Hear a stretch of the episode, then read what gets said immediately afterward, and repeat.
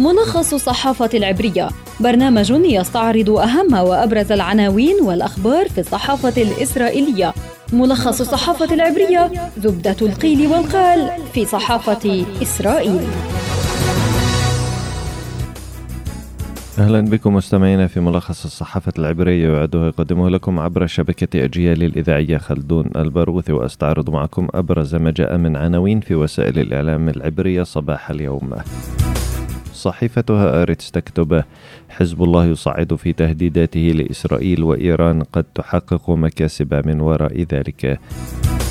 ووفاة رئيس مجلس حكماء حركة شاس شالوم كوهن يديعوت أحرونوت توتر بين إسرائيل ومصر بعد الحرب على غزة ورئيس جهاز الشاباك في القاهرة.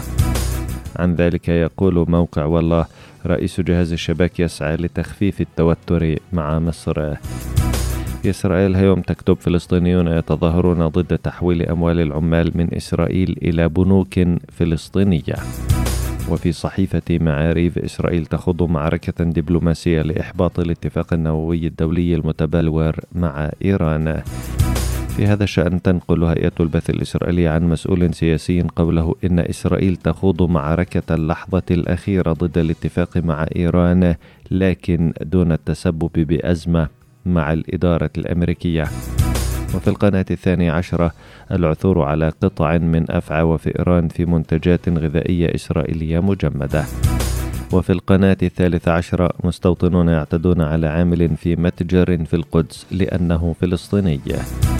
قالت صحيفة معارف إن إسرائيل تخوض معركة دبلوماسية مكثفة في الولايات المتحدة للضغط عليها من أجل الامتناع عن التوقيع على اتفاق نووي جديد مع إيران.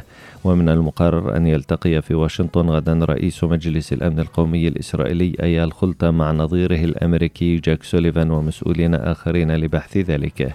وحسب التوقعات فإن اللقاءات هذه ستكون صعبة. ولن تساهم محاولات الطمأنة الأمريكية في تخفيف القلق والرفض الإسرائيليين للاتفاق النووي المتبلور مع إيران. من ناحيتها ذكرت هيئة البث الإسرائيلية أن إسرائيل تخوض فعليا معركة النفس الأخير ضد الاتفاق النووي مع طهران. لكن تل أبيب تحاول في الوقت ذاته الامتناع عن التسبب بأزمة مع الإدارة الأمريكية. كذلك ذكرت هيئة البث الإسرائيلية أن رئيس الحكومة الإسرائيلية يائير لبيد سيزور ألمانيا وسيلتقي المستشار أولاف شولتز لبحث الاتفاق النووي مع إيران.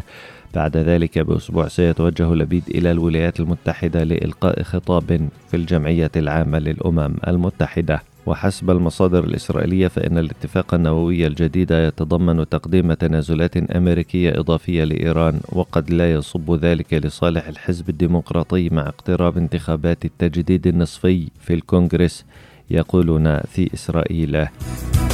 في شأن آخر تناولت الصحافة العبرية زيارة رئيس جهاز مخابرات الاحتلال الشاباك رونان بار إلى القاهرة أمس لتخفيف التوتر بين مصر وإسرائيل ويسعى بار عبر لقائه رئيس جهاز المخابرات المصرية إلى تخفيف الغضب المصري إثر عملية الاغتيال التي نفذتها قوات الاحتلال في نابلس بعد يوم واحد فقط من وقف إطلاق النار في قطاع غزة الذي جاء بوساطة مصرية.